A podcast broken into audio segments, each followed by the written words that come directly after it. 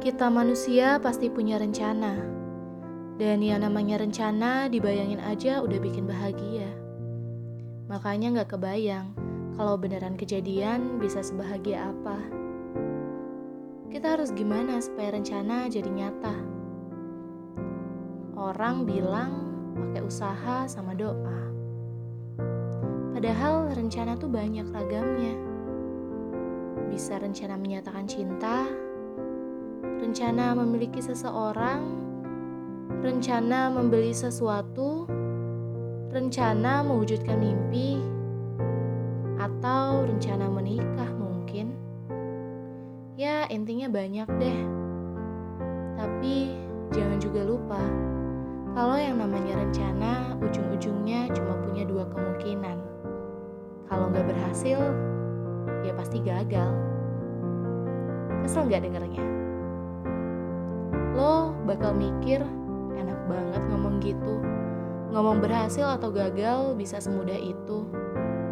Dulu gue juga mikirnya gitu. Kesel banget kalau ada orang yang bilang, semangat ya, lo pasti bisa. Rasanya menutup kuping depan mukanya. Semua itu gue. Seolah-olah mereka tuh tahu, mereka tuh paham. Nah, di episode kali ini, gue bakal bahas tentang dua kemungkinan itu. Yang pertama, kita mulai dari berhasil. Sejujurnya, gue nggak tahu apa yang harus dibahas. Ya, berhasil kan cuma tentang usaha, berdoa, terus dapet deh. Dan kita sering banget tuh ketemu orang kayak gitu. Yang hidupnya beruntung, hidupnya enak yang dia mau, ada aja jalannya. Lantas kita cuma bisa iri, bilang Tuhan gak adil bilang usaha kita sebenarnya jauh lebih besar dari usaha dia. Gini, kalau orang lain berhasil, itu bukan salah dia, bukan salah kita juga.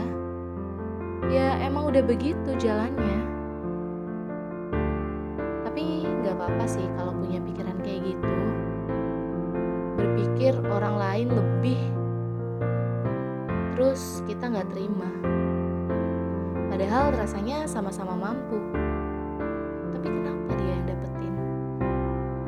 Gak apa-apa, karena gue juga pernah gitu. Gue pengen cerita sedikit. Pertama waktu mau masuk SMA, jadi dulu gue pengen banget sekolah di SMA 1. SMA Negeri 1 Kuta. Kalau ada yang belum tahu itu sekolah kayak gimana, ya pokoknya itu sekolah gokil deh. Waktu di zaman gue aja masuk ke situ, zonasinya padahal deket, tapi nggak bisa masuk. Pupus deh, luruh sudah satu mimpi. Langkah pertama untuk mimpi-mimpi berikutnya. Ternyata setelah SMA, perkara mimpi semakin rumit. Gue pengen masuk UNUD, Universitas Udayana. Saat itu pilihan gue kalau nggak UNUD ya Undiksa. Tetap di Fakultas Ekonomi. Hmm, pede banget bisa masuk ke sana padahal di IPA jurusan MIP. Di SMA maksudnya, jurusan IPA. Ya abis gimana? Itu mimpi gue dari kecil, nggak dari kecil sih. Tiba-tiba aja gue pengen masuk di jurusan atau di fakultas ekonomi. Gue juga nggak tahu harus jadi apa kalau bukan masuk di bidang itu. Padahal itu luar biasa perjuangannya. Belajar, latihan soal, sampai jam 2 pagi padahal. Eh, pas ujian ngantuk, terus gagal. Percaya? Enggak dong, bercanda. Sebenarnya nggak segitunya, cuma intinya gue gagal. Ya gagal. Sekarang kita masuk di kemungkinan yang kedua. Kemungkinan yang paling mungkin. Saat itu tentu gue gak langsung nyerah. gue coba jalur mandiri untuk masuk Undiksa. Tapi kalau dihitung-hitung, gue nyoba sampai tiga kali supaya bisa diterima di Undiksa. Kan pertama SBMPTN, terus jalur mandiri gelombang pertama, terus gelombang kedua, dan akhirnya mau sekali nyoba atau tiga kali sekalipun, hasilnya tetap sama. Gue tetap gagal, kecewa, marah, malu, itu udah gak ada bedanya, udah jadi satu. Bayangin, teman-teman gue udah diterima semua, udah tahu bakal lanjutin pendidikannya ke mana. Dan yang bisa gue lakuin cuma diem di kamar, terus nangis. Gue buruk banget ketika itu.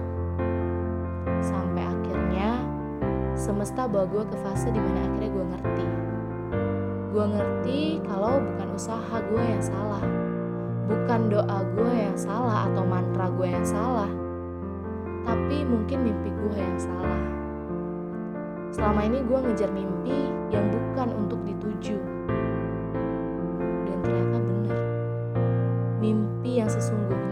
justru sedang mengejar gue di belakang.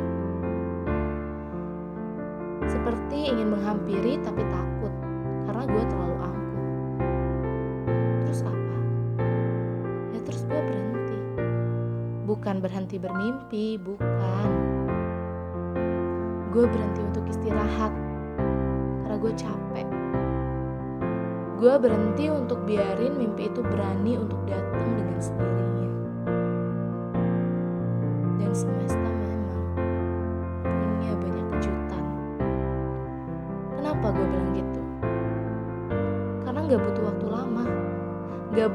Banyak rencana dan ekspektasi tinggi-tinggi.